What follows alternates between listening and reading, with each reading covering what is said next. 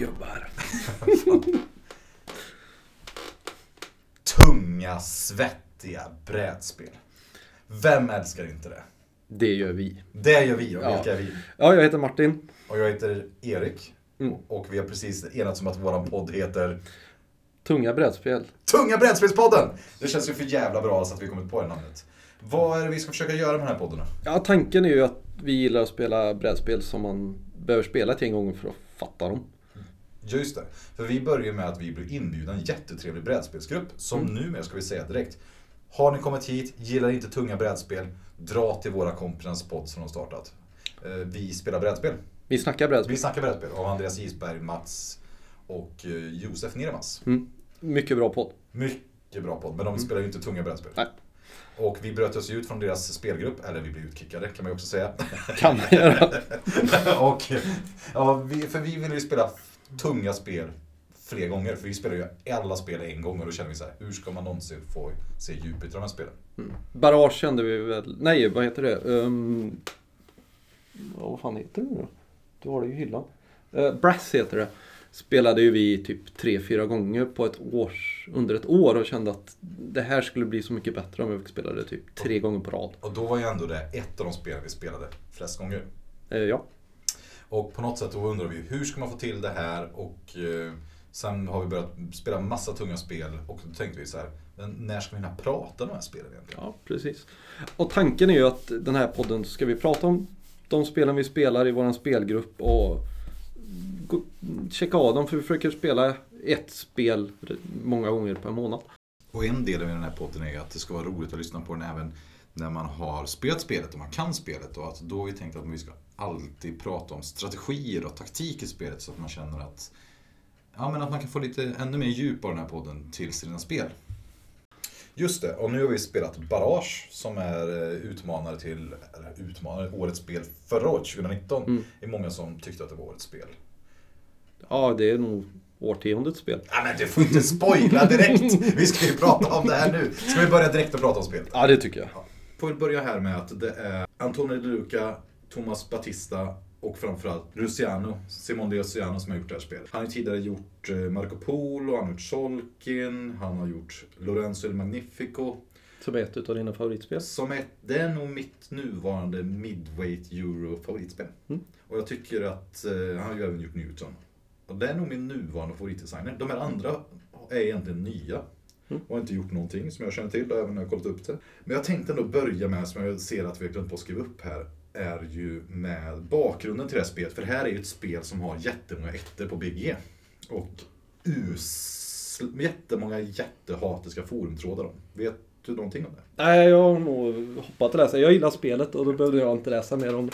Nej, jag tänkte att vi börjar med det. För det finns nämligen som så att det här är en, form en av mina första Kickstart-kampanjer. Mm. Som har varit supertoxic. Det har varit jättemycket forum. De var tvungna till och med att anställa två nya personer bara för att ta emot alla klagomål.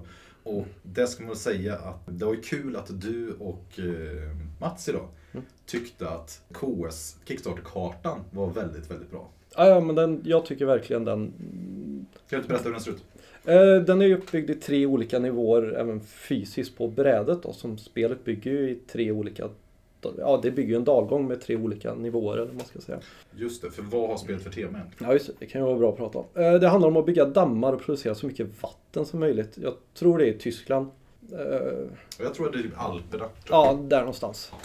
Visst, Brädspel tyskt, det låter i alla fall rimligt. Och jag vet ju att det är alternativt 20-tal. För det är lite sånt art deco-tema på spelet. Som- För problemet är väl om det inte var alternativt 20-tal så... Så blir det ju inte jättebra kanske att stötta elproduktionen för... Nazisterna! Ja, eh, men som sagt var, i klassisk brädstelarstil så stryker man över det och gör en alternativ universum. ja, precis ja. Det, så det är ju ett opolitiskt spel. Men, ja, ja, ja, men det är väl egentligen temat. Och jag tycker, tycker temat syns när man spelar det spelet. Ja, det tycker jag. Eh, Jag får lite känslan av att vara någon galen professor i i ett labb och försöka få så mycket ström som möjligt. För det märker jag ju att eh, när vi kommer att prata om lite hur tungt spelet är, Mm. att det hjälper väldigt bra när man ska förklara regler. För det blir intuitivt att det är vatten som är längst upp på kartan som ska rinna ner, man ska försöka fånga det i sina dammar, man ska köra igenom det genom sina konduiter. Vad är det på Ja, svenska? ingen Eh, aning. Typ strömledare, men Ja. till sina kraftverk och då utvinner man massa energi som man sen säljer av. Och just den delen tycker jag i alla fall, för jag har förklarat det spelet kanske 6-7 gånger och jag tycker folk fattar. Det är saker överallt, men de fattar liksom grundregeln. Jag ska ta det här vattnet och sen dra igenom det. Ja, ja men, och det tycker jag den kartan som är gjord i olika nivåer gör det mer eh, övergripningsbart för då blir de olika stegen lättare att urskilja. För det är ju ofantligt mycket olika saker, framförallt med expansionen så blir det ju mycket att ta in på en gång. Jag kan förstå att folk tittar på det och blir så här, "Mm, det här tänker jag aldrig spela. Så komplexiteten om man kollar på BGG, jag för mig att det ligger på 4, vi ska se, jag klickar på det här nu. Eh, 3,99. Mm. Hur, och då är det frågan, ska vi börja med att prata om BGs komplexitetsrating eller hinner vi det idag? Det kanske vi inte gör. Nej. Nej, hur, om vi säger så här, om när du spelar det och tänker på det och lär reglerna. Är det tungt för att det är tungt, svåra regler att komma ihåg eller är det tungt överhuvudtaget? Eller hur, hur känner du för det här? Men jag tycker det är tungt i två olika element. Mm. Skulle jag vilja säga. Det ena är tungt att det är mycket att ta in och förstå på en gång. Som de flesta bra spelen är. Menar du själva hur reglerna funkar eller hur mekaniken hänger ihop? Nej, alltså brädet det är väldigt mycket olika saker att hålla reda på. Man kan göra en sak här och så kan man göra nästan samma sak på en helt annan sida av brädet. Så det blir väldigt mycket intryck att ta in och Mm. processera innan man faktiskt kan göra ett val. Jag minns ju när Andreas som är en av de som pratar i den här Vi snackar brädspelspodden som vi gillar. Eh, han var ju med och spelade och jag tror ett spel han tycker är jättebra, skulle gilla jättemycket. Men först, hans första runda klockade ju vi när vi spelade. Och Han är ju känd för att ibland tänka lite mycket. Men eh, alltså den frysningen han hade efter reglerna och förklara att han skulle ta sitt första drag. Den klockade in på 20 minuter och 34 sekunder. Men det är ju lite som när man öppnar Caverna första gången och kollar på alla rummen. Ja, det är ett väldigt bra exempel. Ja, det blir ofantligt mycket att ta in som egentligen väldigt mycket inte är relevant för en spelomgång. Men det ger ett väldigt djup i spelet för att du kan göra olika saker.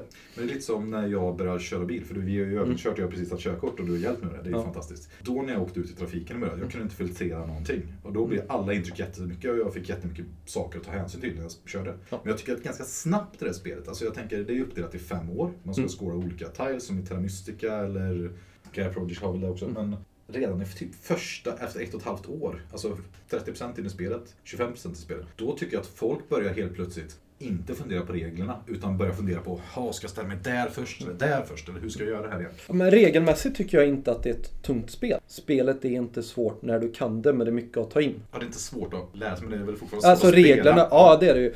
Det finns ju ofantligt svåra val att ta. Och som vi märkte bara när vi spelade idag, jag satt alldeles för mycket resurser för tidigt på en sak och det gjorde att jag hamnade efter Mm. ofantligt länge och gjorde att jag tror jag förlorade första draget jag gjorde i spelet. Men om du försöker jämföra med några andra spel då, i tyngdhet, om du sa Caverna, är det här ett tyngre spel än Caverna?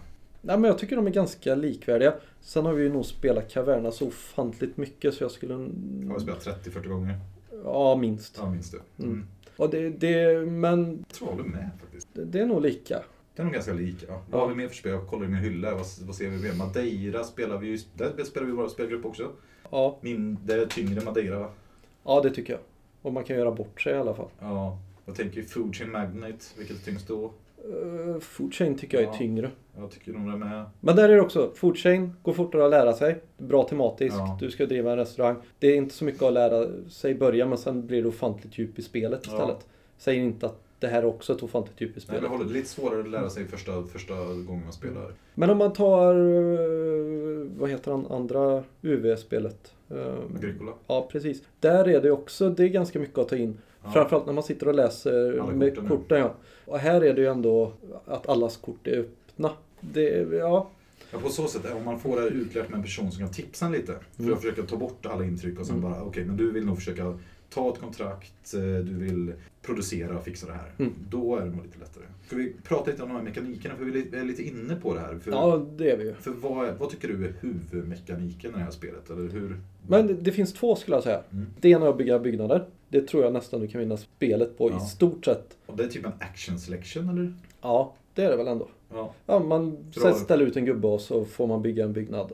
Och Och så kostar den olika resurser. och ställer man på sitt egna bräde så är det ingen Ja. som konkurrerar eller kan göra någonting. Det som är intressant är ju att dina resurser kommer tillbaka för man har ett hjul som snurrar. Och det gör det ju, ja, som det misstaget jag gjorde förut. Jag satsade för mycket av mina byggargubbar för tidigt. Så att det tog alldeles för lång tid för hjulet att snurra och få tillbaka dem. Det är nog en mekanik jag inte sett innan. Alltså, att man, man, det är som att du tar, du tar en resurs och istället för att spendera dem så låser du upp dem i tid. Ja. Så du tappar tempo. Och sen har man en worker placement i övrigt Mm. runt det här kan man väl säga. Ja, inte Glasswork lite... Glass Rolls. Ja. Som har spelat det två gånger, jag kommer inte ihåg. Alltså. Men det har också någon så här konstig mekanik där saker och ting låser Ja. upp sig i varandra. Jo men det är någonstans. Och Solken är också de här kuggorna. Det var också länge, för länge sedan. Ja, men eh, det, det gör i alla fall att när du väl lyckas få tillbaka dina... Du kan ju räkna ut när du kommer få tillbaka dina resurser genom att göra olika handlingar. Så länge ing- ingen annan gör de handlingarna före dig. Det finns en sak som gör att du får snurra ditt hjul ett varv. Eller ett steg till exempel. Och det är väl det som jag tyckte var intressant idag. Att jag märkte att när jag skulle bygga, inte nog med att det behövde vara rätt resurser. Utan jag var även tvungen att tänka, vilken byggnad ska jag bygga först? För att det är den som sen jag kommer kunna bygga först igen. Ja. Eh, vilken ordning ska de olika byggnaderna vara mot varandra? Och etc. Det är ganska många steg man ska tänka på när man ska bygga för att det ska bli på något sätt optimalt. Ja, och jag satt ju där någon gång och insåg att nej, jag får inte ett varv. Eh, Jag lyckas inte snurra sista varvet för att få lös mina gubbar. Och Erik satt och tittade på mig. Det där har jag räknat ut. Ja, Nej, men det, det, det är ju ändå det som gör spelet roligt. Att man, ja. det är lite solitärt men inte för mycket. För vi är nog inte jätteförtjusta i solitära spel. Nej, och jag inser ju nu att vi pratar lite om att jag har ju något som jag brukar kalla schacktestet på ett spel. Jag, vet, jag har säkert pratat om det förut, men du får låtsas som att du inte kände till det. Ja. Jag tror du brukar inte vara så bra att lyssna på de här grejerna. Nej, men att spel, alltså om man spelar schack till exempel, Mm. och du ser att någon håller på att flytta en pjäs och du tänker så här, sätt ner den, sätt ner den, sätt ner den, för jag vet, sätter du ner den, då kommer jag ta den där andra jävla pjäsen. Du vill Mm. verkligen att motståndaren ska göra det. Och den, och den känslan när de stoppar ner den pjäsen, och du vet bara, nu är det min tur. Och det har jag märkt att när vi vi börjar ta upp vårt brädspelsintresse och spela mycket spel, att i vissa spel, det du känner under motståndets drag är så här Åh, kan inte den personen vara färdig snart? Jag har ingen aning vad personen gör, bryr mig inte alls. Och att personer till exempel i spelet får säga så här, kolla vad jag gör nu. Ja, det är ju inte ett bra betyg. Nej, för liksom schacktestet är ju så här att du är fan investerad i motstånd, på, under Ja. motståndarens tur. Alltså vad den gör är nästan mer intressant än vad du själv gör. Eller, det andra är ju väldigt bra när jag sitter och dricker vin och tjötar skit. Ja, Det andra är inte bra en tisdag kväll Nej. när jag träffar spelgänget. Nej, och det är väl det jag bruk- brukar kalla dem som Terraform Mars tycker är ett bra vindrickarspel. För där är ju så här, man tittar upp efter två och en halv timme och bara oj, du fick 100, 70, nej, 78 poäng. Oj, shit, jag fick visst 65. Mm. Ja, ja, GG. Men Rieslingen var god. Risningen var god.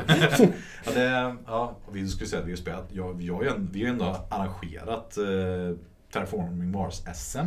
Ja, jag var huvuddomare. Ja, jag var expertkommentator. Det är ju Ja. ändå... Jag tror vi ska släppa det spelet. Det känns lite för laddat för att vi ska Ja, prata om det. Vi har redan pratat om att vi är tågare och så ska vi säga att vi inte gillar Terraform Mars. Jag fick Det- säga att vi inte skulle prata om det Just just det. av den anledningen. Just det, men samtidigt är det bara vi som kommer att lyssna på det här ändå. Men jag har skrivit upp att vi ska fundera på hur taktiskt mot strategiskt det är. Och då tänker jag att vi kanske borde ha en definition av det först. Jag gillar ju sådana här definitioner. Jag råkar ju vara filosofilärare så jag älskar, och svensklärare så jag älskar det. Men om jag säger, vad tycker du skillnaden mellan taktik och strategier? Oj, det var en jäkligt bra fråga som jag inte har funderat jättemycket över. Eh, Om men- jag får presentera min definition då? Ja, jag, jag, jag Ja, okej, bara först. försöker med den här. Eh, Jag tänker att taktik är ett drag, strategi ett krig. Exakt. Skulle du komma till en spelkväll Mm. så skulle du kunna tänka innan, idag ska jag testa den här strategin. Mm. Och sen så är, eller om du sett setupen eller vad det Mm. nu är, eller fått i din hand. Och sen så är taktiken på något sätt hur du parerar de olika sakerna Mm. under tiden. Och spel som till exempel Maripol är då till exempel, men vi kan ta, ja vi tar Terraform Mars. Det tycker Mm. jag är ett väldigt taktiskt spel. Alltså du, Mm. Varje runda får nya kort, du får välja något kort. Och liksom, det är väl det som är intressant i spelet, att du får drafta hela tiden och försöka värdera korten mot varandra vad du har och ta nya ställningstaganden, vad ska jag göra och så vidare. Men du kan liksom inte ha någon slags grundstrategi egentligen, förutom av de korten du råkar ha. Ja. Man kan hoppas på att idag vill jag göra det här men sen får du aldrig någonting som gör att du kan göra det. Nej, och då måste man byta. Ja. Medan till exempel i Food Chain Magnet, då kan du bestämma innan. Idag ska jag testa att spela Trainer First-strategin. Ja, ja där är det ju verkligen uttalade strategier. Ja. Och sen så är det liksom under tiden får du se så här, oh shit, nu har de byggt det här, nu måste jag gå in i det här. Och, så. Mm. och då är det taktiken. Hur känner du med Barrage? Är det ett eh, taktiskt eller strategiskt spel, eller hur ser blandningen ut här? Ja, men jag tänker att Det är ett strategiskt, åt det mer strategiska hållet. Mm. 70-30 kanske. Ja. Eh, Oftast kan du göra det du vill men du kanske måste betala lite mer mynt för att kunna bygga en damm på rätt ställe. Eller du kanske måste göra det före motståndaren gör det för att du inte ska bli blockad. Vad, vi har kommit på nu att vi inte pratat så mycket om spelet här. Vi har inte berättat vad är det första man gör i spelet. Då ska vi säga också att våra målsättningar med den här podden är ju att de som har spelat spelet tycker det är kul att, kan vara kul att lyssna på. Ja. Men även de som inte spelat spelet. Och jag tror att än så länge så vet nog inte folk vad spelet handlar om överhuvudtaget. Nej, det är våra första avsnitt. Ja. Mer kan man inte begära. Nej. Men kan du inte berätta det här om man väljer grejer och allt sådär? Vad, är, vad, är det, vad gör man och vad är intressant? äh, men man får, varje spelare får välja mellan olika länder som har olika specialeffekter. Sen har varje advisor, jag vet inte riktigt vad man ska kalla honom. CEO, det är någon Ja, chef ställföreträdande chef något. Ja, som kan göra specialsaker som är specifikt för den. Så det kan vara att man producerar mer ström på något det. speciellt sätt eller får en extra byggruta eller massa konstiga olika saker. Även Marco Polo och Lorenzo har ju sådana här extremt starka symmetriska krafter. Hur starka tycker du de här, mm, vad ska man säga, CEO-erna som man lottar ut är på de här? Jag tycker oftast, de är starka det är de ju. Mm. Men de är oftast balanserade mot varandra. Men sen kan det ju bli så, vissa CEOs med vissa länder blir ju väldigt, väldigt starka. Mm. Och vissa blir väldigt, väldigt svaga. Jag tycker de har löst det hyfsat med att man får fem stycken att välja emellan Mm. om man är tre. Jag kommer inte ihåg hur det är. vi kör alltid fem, jag tror Ja. från början är fyra. Men Ja. Och det jämnar ju ändå ut det lite att den sämsta försvinner. just det. Ja, så man får lite bättre Mm. genomsnitt skulle jag säga. Och sen är ju den som väljer länder först, är ju Mm. den som är sist när spelet drar igång. Ja, precis. Och hur tycker, hur tycker du balansen ser ut mellan att välja först kontra vara först i spelet? Det är aldrig kul att vara först eller sist, men det är aldrig... Det, vi har ju diskuterat om det inte är värt att börja få buda för att få vara först ut i vinstpoäng. Det är så vi brukar lösa Det saker. är det vi alltid hamnar i. Att Ja. vi tycker det, på något sätt att det, eftersom det, de blir så otroligt olika starka de här. Ja. Beroende på, för man gör ju en setup med jättemycket Mm. variation mellan spelomgångarna. Mm. Jättehög omspelbarhet. Men det kan ju bli, tycker vi då, setups som känns väldigt viktade åt olika håll. Ja. Eh, och våran lösning brukar vara att man får betala vinstpoäng för att gå ut först. Ja, och det tror jag vi egentligen alltid ska spela med i det här spelet. Ja, eh, värt att testa i alla fall. Ja. Eh, Sen är ju frågan hur mycket det gör som du vann med 40 poäng Ja. till tvåan den här gången. Eh, Hade det varit värt att satsa? Eh, Jag tror att poängmarginalen här i det här spelet kan bli för hög så att det inte blir relevant. Det är Mm. min enda oro. För det intressanta här är väl att jag hade satsat på att välja land sist och gå Mm. ut först. Jag blev tvärtom. Jag fick ut välja land först och gå ut sist. Ja, Och då vann jag med 40 poäng. ja precis. Så det säger väl ändå att det ligger ju väldigt mycket spel mellan att man har valt sina fraktioner och vad man sen sysslar med på kartan. Ja. Och vad tycker du om hela den här, att det finns en karta som man är på gemensamt och håller på? För det får man säga, det är ganska stor skillnad mot till exempel UV-spel vi pratade om innan, Mm. eller Lorenzo, eller mer likt Marco Polo. Det jag tycker är bra med det här vi diskuterade det förut idag. Mm. Att eh, man kan inte gö- göra elaka drag för att bara göra elaka drag för då kommer man vin- förlora. Mm, just det. Eh, Man, man kommer få drag som är jobbiga emot sig men de är väldigt logiska för alla runt bordet. Så det känns inte som att någon sätter kniven i ryggen. Där har vi en väldigt hjärtefråga för mig. För jag tycker ju folk är för jävla gnälliga vad gäller spel som de tycker take that, take me vad allting. Mm. Alltså, spelar man spel där folk tävlar i så kan det inte vara mysigt under hela, hela spelomgången. Nej, det håller jag väl med om.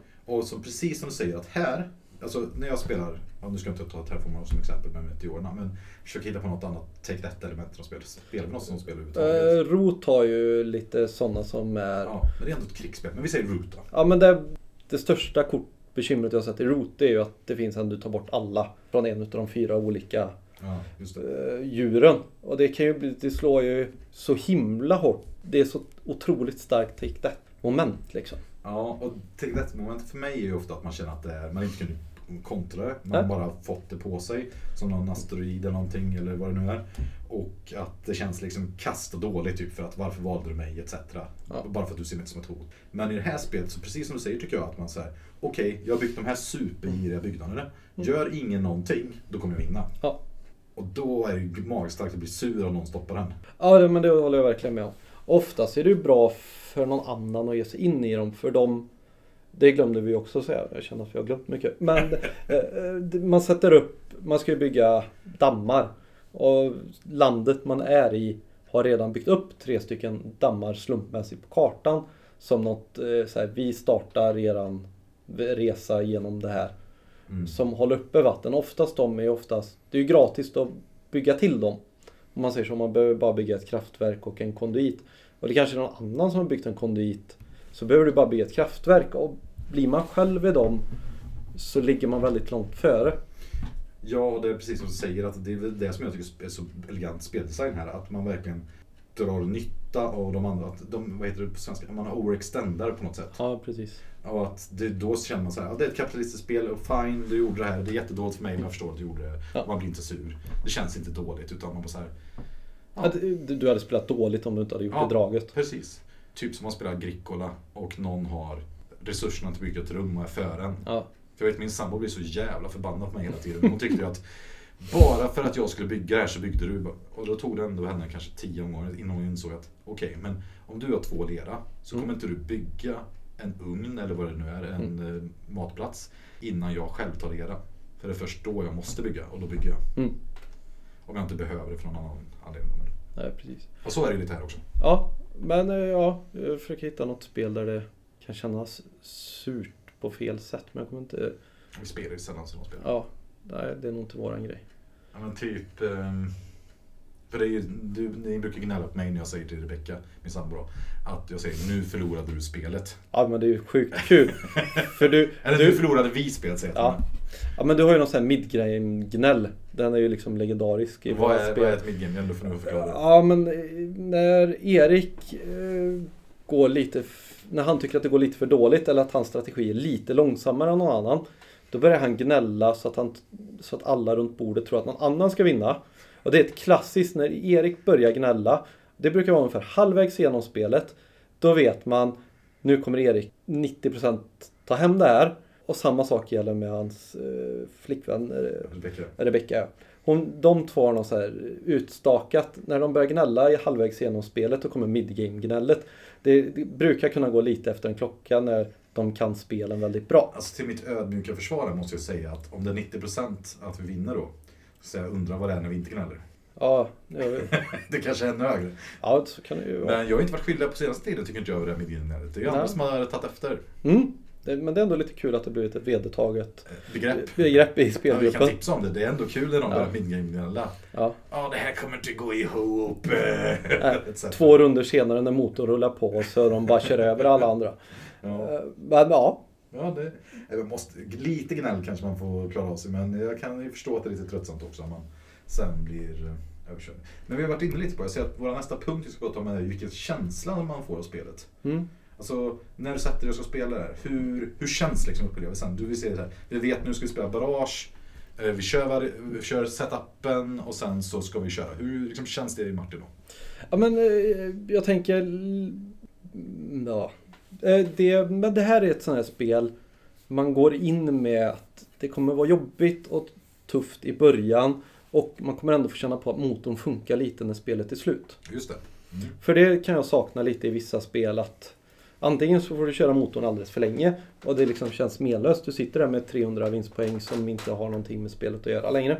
Mm. Eller så slutar spelet precis när nästa runda har jag kunnat göra det jag vill. Typ Agricola är väl det senare exemplet. Du bara, snart har jag en farm! Ja. Jag fick en ko! Ja. Spelet är slut. Ja men du, du har ju sagt det någon gång när vi har spelat Caverna. Jag blev klar i en runda för tidigt. Nu kan jag inte Ja. göra någonting. Ja. Och då, har man ju, då känns det ju lite... Här känns det som att man kommer aldrig vara färdig en runda för tidigt. Men man känner, man hinner bygga på den byggnaden man har kämpat för. Man hinner få de vinstpoängen. Det, det känns... Man avslutar nästan aldrig, tycker jag, med att en dålig känsla. Det kanske är fel men... Nej men jag fattar precis vad du menar. Jag, tycker, jag har inte tänkt på det på sättet. Egentligen när du säger det, det låter som att spelet är perfekt långt. Ja, det tycker jag. Men jag måste säga, när jag, när jag tänker att vi ska spela barrage, Mm. det är lite som när vi spelar med Alltså, om man tänker sig att man ska veta att man ska se till exempel en... eh, Om jag skulle till exempel kolla på en Tarkovsky-film, en Bergman-film eller någonting. Mm. Då blir jag så här, oh, det här kommer bli svårt och lite jobbigt. Men det är ändå jag som väljer det och jag kommer se det och så vidare. Och sen nu till och tittar jag inte på film av den anledningen alls. Men att man känner så här, man känner i kroppen ändå att, oh, lite sån. Och att man blir lite nervös blandat med att det känns lite påfrestande och ganska spännande typ. Mm. Alltså när, precis när vi ska börja spela, så det känns, för mig känns det Det känns som att det finns den här tension i spel från början. Att man är lite så här, man måste tagga till känner man lite. Mm. För sitter man typ och sover eller bara tar det lite lugnt, då är man liksom Då är man blå, överblåst direkt. Ja, och så ska ju ett bra spel vara. Vi tycker det i Ja. alla fall. Men om vi tänker den känslan, om vi ska försöka jämföra med några andra spel. Liksom, för känner du så med Caverna till exempel? Som vi pratar om. Inte längre. Nej, men i början när vi spelade kände Ja. du det. Vad säger du om Age of Steam? Det känner jag nästan att jag... Ja, definitivt. Ja. Men där är det ju, det var, börjar man... I låd. Med, ja, med ångest. Det är ju helt härligt på ett helt annat sätt. Eh, Där får man ju bara acceptera att livet är kast. Ja, jo, för det här känns nog lite lättsammare då. Ja, definitivt.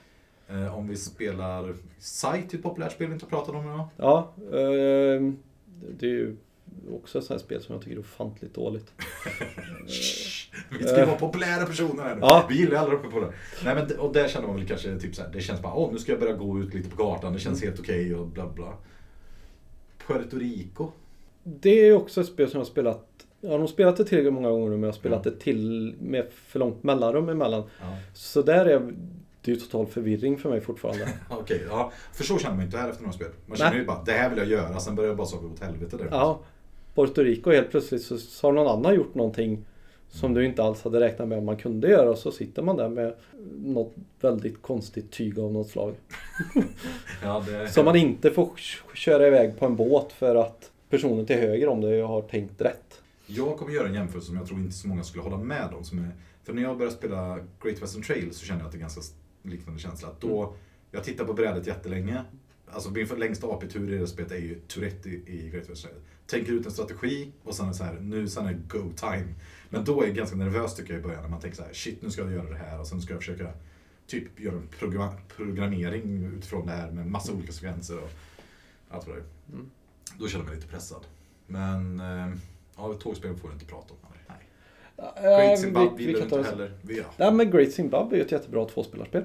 ja, just det. Ja, sen spelar man det bara på två, sen spelar det ingen roll hur många man är. Och det tycker jag är lite liknande, typ att det känns många beslut man tar i Great Zimbabwe är så jäkla definitiva. För i Great Zimbabwe är ju ett splotterspel där Mm. man eh, ska, man får, väl, man får om man vill ta en gud. Det är bara Mm. att du måste ha den resten av spelet. Ja, Och så lite känns det ju här. Okej, jag köper en, en, en tech-tile som i många vanliga spel är så här. Okej, jag kan täcka ganska fritt i spelet. Här är det så här, den första tech-tilen jag köper, den kommer påverka mitt spel enormt mycket. ja, För om den inte påverkar det enormt mycket, då har du köpt fel tile ja. eller teknologi. Och då, är- alltså fem spänn som det kostar i början, det är ju för tight. Alltså du, för att inte använda den.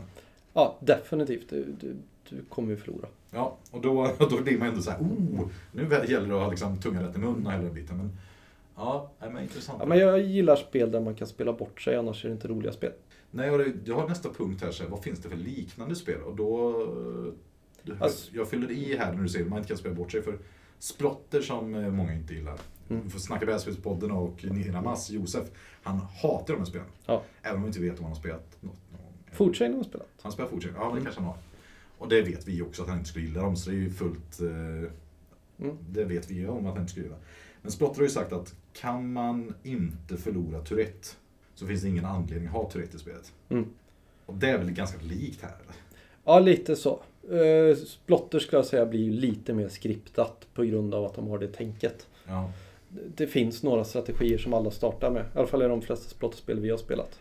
Ja, och Jag tänker väl kanske framförallt på Foodchain där, men vi ska ju ha en passus här att Martin, när vi började spela Foodchain så berättade jag för Martin att köp inte mat först. Mm. Det är mat, man ska sälja hamburgare och sånt, det kan ju vara lockande att köpa mat då. Så att det går inte, då förlorar du spelet Tourette. Och Martin gjorde köpte mat, tur rätt. Just det, för du litar ju inte på mina råd vid det här tillfället i livet. Nej, det har ändrat sig lite. Ja, Jag litar på dina råd vid olika tillfällen nu mot förr. ja men det är ju, tycker jag, högst rimligt. Ofantligt bra spel, men eh, där kan man ju verkligen bli bortspelad. Det Ja. blev jag första... Jag satt två timmar. Och gjorde ingen påverkan på spelet kan man säga. Nej men för här kommer du ändå igång lite. Det är bara att du kommer att ligga 50 poäng bakom i slutet. Ja, det, här spelar du ju alltid ett spel. Ja. Även om du kanske får spela mot dig själv och inte mot de andra. För vi har spelat, hur många gånger har vi spelat det här? Alltså jag har kanske spelat spelet 15 gånger, 10, 15? Ja, jag har nog spelat det sju tror jag. Ja. Och du, det känns ändå som att du förlorar spelet den här på typ ditt tredje drag i spelet eller något. Ja, två. Ja. Nej men det är väl inget att sticka under stolen med. nej, för, nej, för det är ju så att Martin då, det han gjorde var att han köpte först den bästa teknologin i spelet. Och då kan vi komma in i att vi ska prata lite strategier Mm. snart. Eh, För er som inte vill höra det kommer vi säga till och varna. Mm. Ehm, Du köpte den bästa tilen, Japp. den teknologin. Köpte den och sen så gick du in och fick liksom lite hybris. Ja. Den gör ju att beroende på hur stor konduit du köper, desto, då dubblar du pengar mot värdet. Så om du bygger en fyrkonduit får du åtta pengar. Japp. Och du hade precis råd att bygga en trekonduit, vilket är en jädrigt kostsam konduit. Smällde in alla dina resurser i hjulet, Mm. snurrade den ett steg och sen insåg jag kan inte bygga något mer. Hur ska jag få ut de här ur mitt hjul? Jag har ingenting. Jag har, jag har en stor jävla mäktig pelare här Ja. på mitt bräde. Ja. Som Erik verkar använda en gång. Ja, en gång ja. Det var ju ändå tanken att få in lite extra pengar där. Ja, men Mats och jag byggde bort den helt enkelt. Ja, precis. Men jag, jag ville ha mycket pengar i början. Det kostade mig alldeles för mycket andra resurser. Ja. Vad ska man säga? Jag tror även att det är gott att spela från den positionen. Men jag tror att du insåg det för sent. Japp, definitivt. För då köpte du nästa tile som var att du skulle kunna höja din damm flera nivåer. Men problemet var att du kunde inte bygga en damm eftersom du låste in alla dina bruna arbetare i hjulet med Ja. konditen. Ja, det såg ut som tre bra drag, men det Ja, det blev fruktansvärt dåligt. Ja, Det är ju en sån här sak. För att spel ska vara bra då behöver jag känna att jag behöver tänka på det när jag går hem. Och Ja. kanske någon annan dag efteråt. Kan jag bara lämna spelet, släppa det utan att fundera på det. Det har blivit en viktigare del ja, för mig att det ska vara ett bra spel. Jag håller med. Och just att på något sätt att man kan fundera vad hade hänt om. Och du kan ofta kanske till och med tänka ut ungefär lite vad som har hänt. Ja, Men om vi tar ett likt, har vi något liknande spel till det? Vad är det mest lika spelet här? För det är ändå worker placement, det är resurser, det är en karta, area control lite. ja. ja jag- alltså, jag tror ändå jag får säga Caverna. Okej, vad, vad är det du tycker är lika då? Ja men det är ändå lite där. Caverna tar resurser och sådär. Det här handlar om att använda resurserna man har innan man får tillbaka dem. Det har ändå lite, Mm, man kan... Det spelar roll om när du sätter ut din gubbe på vilken ruta. Det är ändå Ja. lite likadant. Jo, men precis. Jag undrar, för du har inte spelat Marco Polo. Nej. Det är ändå lite likt, för det har ju en karta som binder ihop det, Mm. och en worker placement del som är tight, ett tight Mm. ekonomi. Men där är det mycket att man slår tärningar och, inte, och det är väldigt taktiskt. Och jag tycker nog att Bara känns som ett väldigt maffigt spel för mig. Ja. Att det, liksom, det finns mycket att göra i spelet. Du, finns, eh, du kan tänka stort och långt och du, det är ganska fritt ändå. Ja, det får jag hålla med. Och jag tycker inte riktigt att Marco Polo har, så jag vet inte vad, om jag kollar i spelhyllan så jag vet inte riktigt vilket, vilka spel. Jag tänker så här, det här är ett spel man alltid vill göra mer saker än vad man kan. Ja, jo det är sant. Eh, Det, jag- det är väl, jag har fått runder där jag känner gött, det här gick bra. Men jag har aldrig fått runder där jag känt att jag lyckades med allt jag ville. Nej, så är det ju. Mm. Man sitter med ett mynt för lite, en gubbe för lite, har tydligen använt upp actionrutan man hade tänkt använda en gång redan. Så man Ja. inte kan bygga mer. Nej, men det är ganska balanserat på det sättet. Man kan inte göra för mycket. Nej, jag håller med. Och man, och man, märker, men man märker samtidigt att det är jävligt viktigt hur man planerar sin runda hela tiden. Mm. Med sina arbetare. För det är så intressant att du kan ställa andra rutor med en arbetare och du har typ 12 kanske. Ja, något sånt. Eh, och sen kan du ha vissa rutor som är effektiva, du får snabbare tempo. Men då krävs det fler arbetare. Och det är också lite intressant där hur påverkar man turordningen? Hur, eh, hur snabbt tempo har man? Vem kommer till de för bästa rutorna? För ofta finns det till exempel producera ström och så finns det plus två modifier, Mm. plus ett, noll, minus ett, minus två. Då är det här, först till kvarn. Ja. Och ibland är det ju gött att få producera på minus två för att uppfylla ett kontrakt och bara använda en gubbe till det. Just det, för då är det bara en arbetare som Ja. ställer upp. Det är min favoritruta nästan. Ja, precis. Och den andra är producera plus två. Då får du använda två gubbar. Mm. Om du inte är tvåa på den, då får du använda tre gubbar och betala tre mynt. Jag tycker man lyckas bra med just den delen. Att det känns hela tiden som att man vill hela tiden vara först på de här rutorna. Ja, Och det finns många platser man vill först. Men ibland kan du planera för att ta de lite mindre populära rutorna. Mm. För, och sen försöka snika in lite andra, andra rutor. Men jag tycker... och att det finns Ja, alla rutor har huvuddelen där du bara kostar arbetare. Ja. Sen finns det en B-sida eller vad man nu ska kalla det. Ja. Nummer två eller hur man nu vrider och vänder på det. Där det oftast kostar kanske en gubbe mer och lite pengar. Så det, det är väldigt sällan helt utelåst från någon ruta men det kommer kosta dig lite för att du inte prioriterar den högre. Och det är väl den liksom schyssta känslan i spelarna som inte finns till exempel i Age of Steam. Att man känner att man kan fortfarande typ göra de livsviktiga sakerna men det blir inte lika effektivt. Ja, precis. Och det, jag tror nog att jag uppskattar just det i det här spelet. Att, sen ibland blir man ju utlåst ändå. Ja. Men, men då har man fast med planerat dåligt alltså. Ja, de har varit alldeles för girig. Ja. Ja, det, Det, det, det som också gör det okej är att du blir aldrig nästan totalfuckad utan du får Okej, det här blev inte så bra som du hade tänkt men du kan ändå göra det du vill. ja. Och det tycker jag ändå gör att det är lite lättare att sätta sig ner vid bordet. ja, men ja, ja, jag håller med. Så, då ska jag bara varna om att vi ska prata lite strategi och taktik i Barrage och vi kommer prata det till minut 45.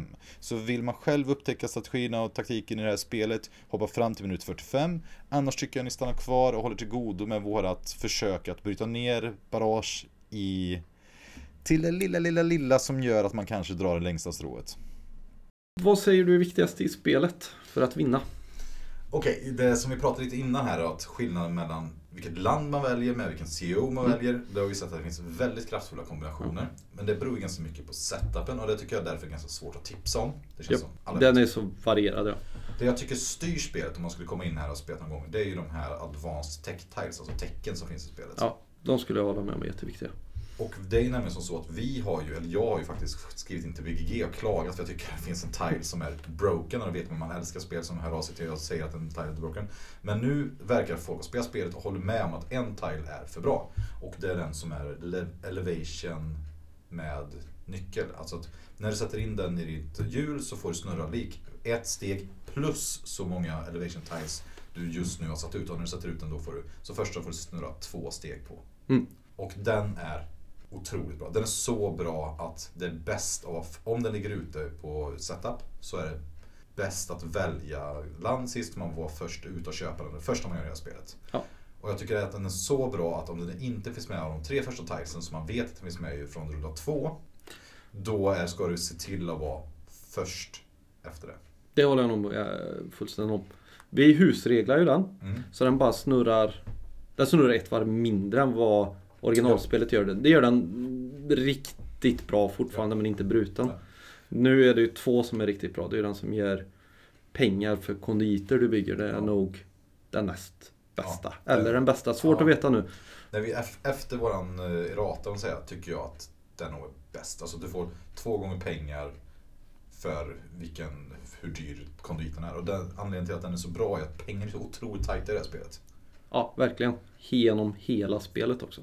Och just också att eh, tilesen är så otroligt starka och du behöver pengar för att köpa fler tiles. Sen är det väldigt varierad setup. Så allt det här får man ju någonstans kolla av mot vad scoringmålen är. För det förändrar ju hela spelet. Ja, men hade du inte köpt kondit-tilen eller elevation-tilen oavsett se- setup? Jo, det är nog väldigt sant. Ja. Och även den som vi tycker är bäst, nummer tre av de här tilesen. Och det är ju frågetecken, att du får bygga valfri byggnad men inte behöva betala kostnaden, extra kostnaden för den. ja, den är också riktigt bra.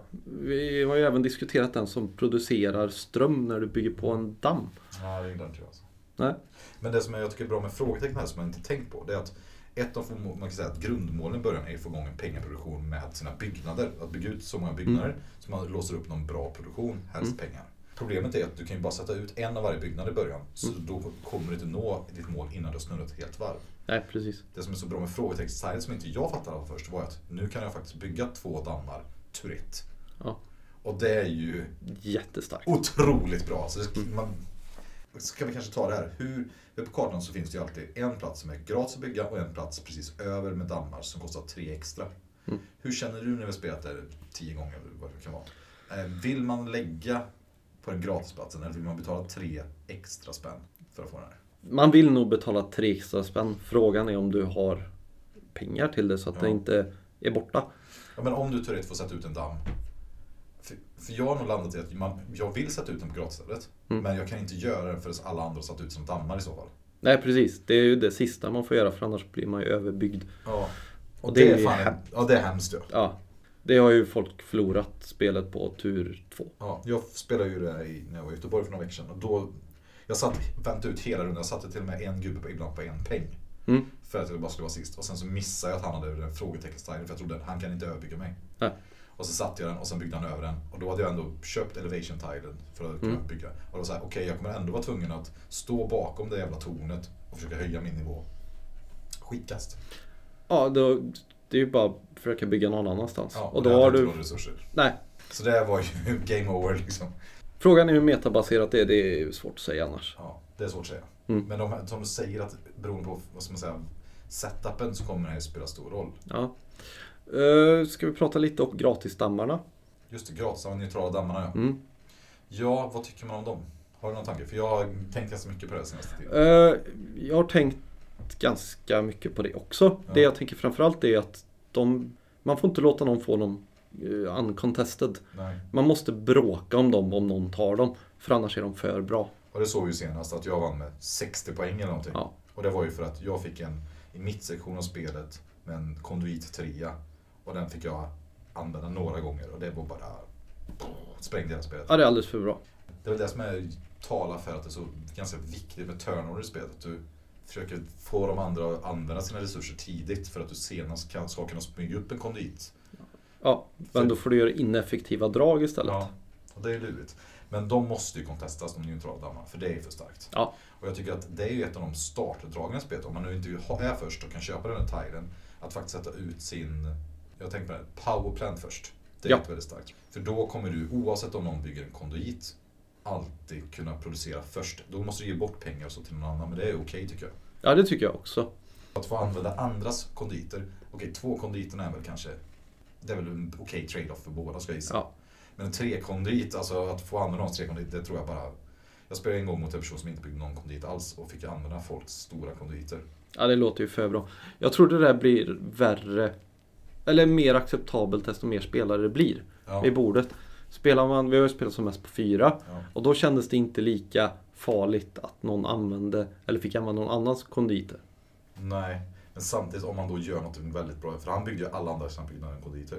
Ja, det, det, är ju, det låter ju för bra. Ja, ja. det, det verkar väldigt bra.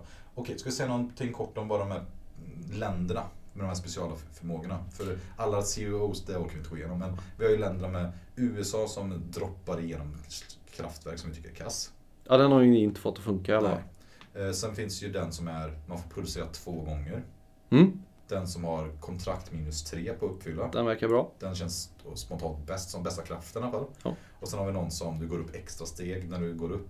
Mm. Men det vi tittar på de här brädorna är ju inte jättemycket på spiralkraften, tycker inte jag i alla fall. Nej, det är ju vart kan jag lösa upp tre pengar fortast?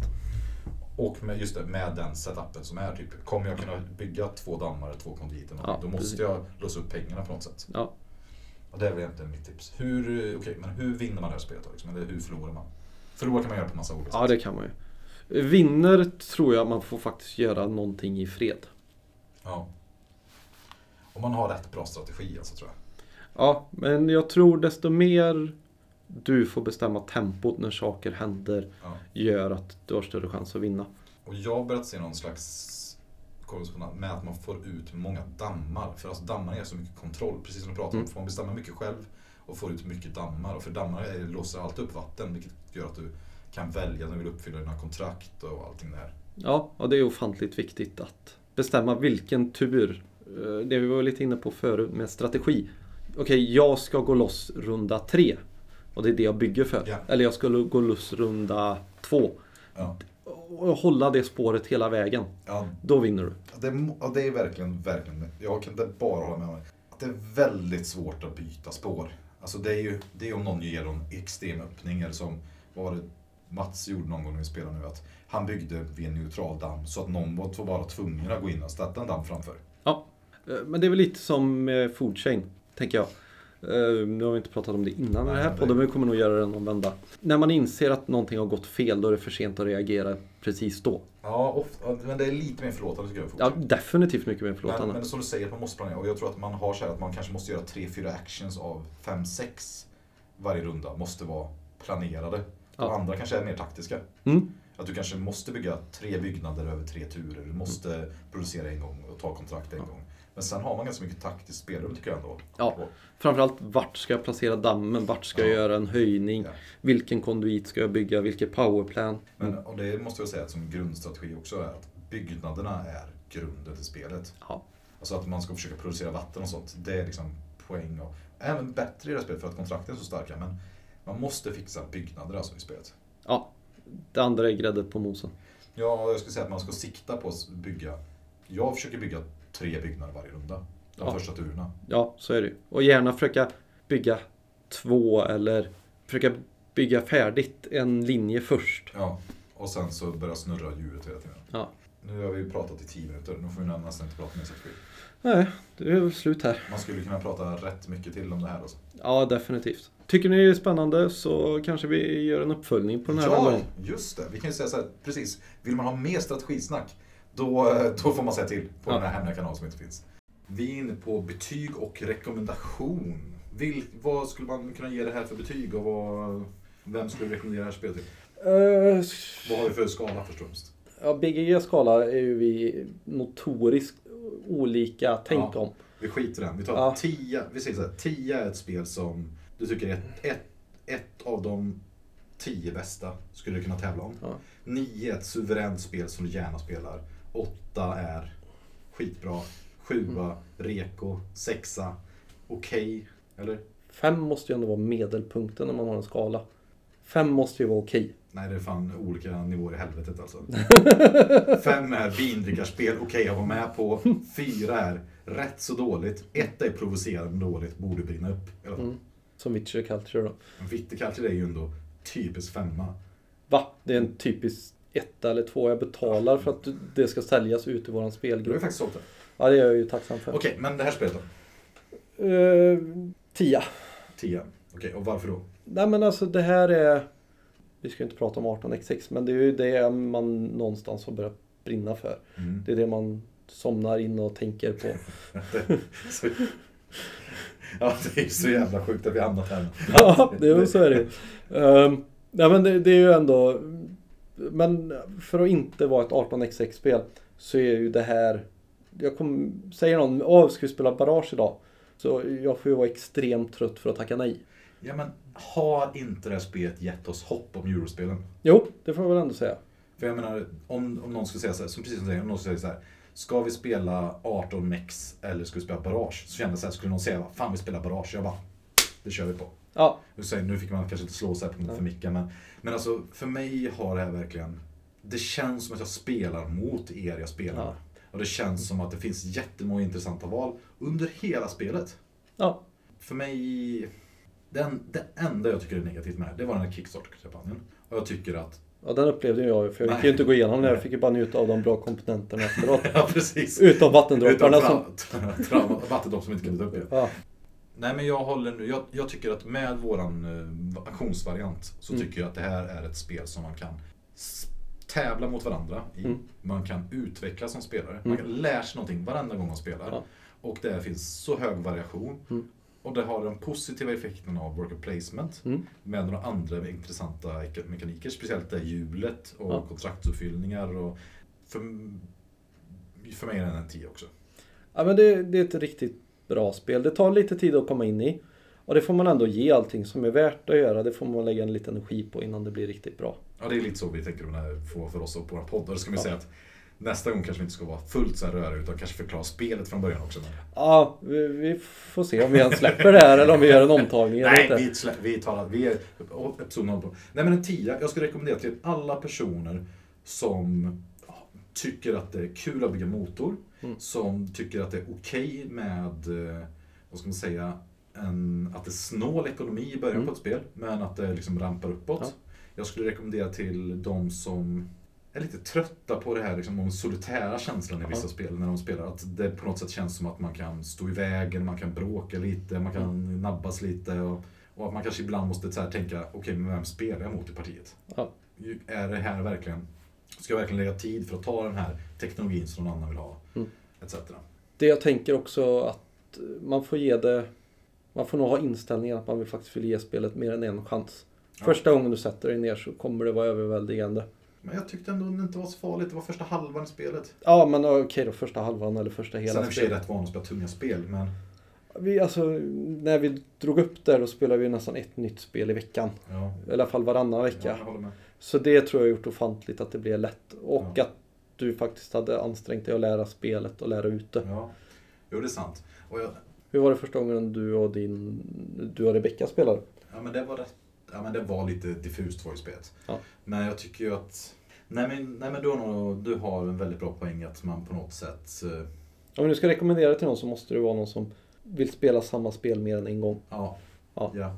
Och, ja men precis, och gärna vill liksom så här, tycker att det är kul att försöka lära sig ett spel och att, men jag tycker, för mig är det här ett perfekt ungspel. Mm. Reglerna, vi har ju spelat spel där vi inte fattar reglerna efter Ja. två eller tre gånger, typ Pax Renaissance, Coinspelen eller vad det är. Och det här är ju inte ett sånt spel, men det är man måste tycka det är intressant att tänka på spelet. Ja. Annars, det är nog min rekommendation. Tycker man det är intressant att tänka på spelet och så fundera, vad var det som hände igen? Varför förlorade jag? Ja. Då är det här ett bra spel. Tycker man Ja. inte det så, jag, jag ser inte att man skulle älska det här spelet i alla fall. Nej, det tror inte jag heller. Ja, men det är ju det här som fick oss att ringa till varandra och prata om efteråt. Ja, Ja. Vi ringde inte varandra innan det här spelet. Nej, det är sant. Det är sant. Och det tycker jag det är ju väldigt positivt för ett spel. Det är väldigt bra. Jag tror att vi håller på att rinna ut av tid nu. Mm. Så vi ska väl... Egentligen skulle vi haft en forumtråd som vi kan spara till nästa gång och prata om. Ja. Eh, Men vad ska vi säga nu då? Nu ska vi spela Pipelines nästa vecka i spelgruppen. Vi har spelat en gång, då var inte du med. Eh, Sen kommer vi tillbaka, där den, vi har spelat det två gånger till i alla fall. Ja. Och Jag tror vi har svamlat för mycket den här gången. jag tror jag har svamlat för mycket. Och vi får kanske döpa oss tills vi svamlar brädspel första Ja, gången. tills vi kan någonting bättre. Hoppas det har gett något vettigt av två vita män som pratar brädspel.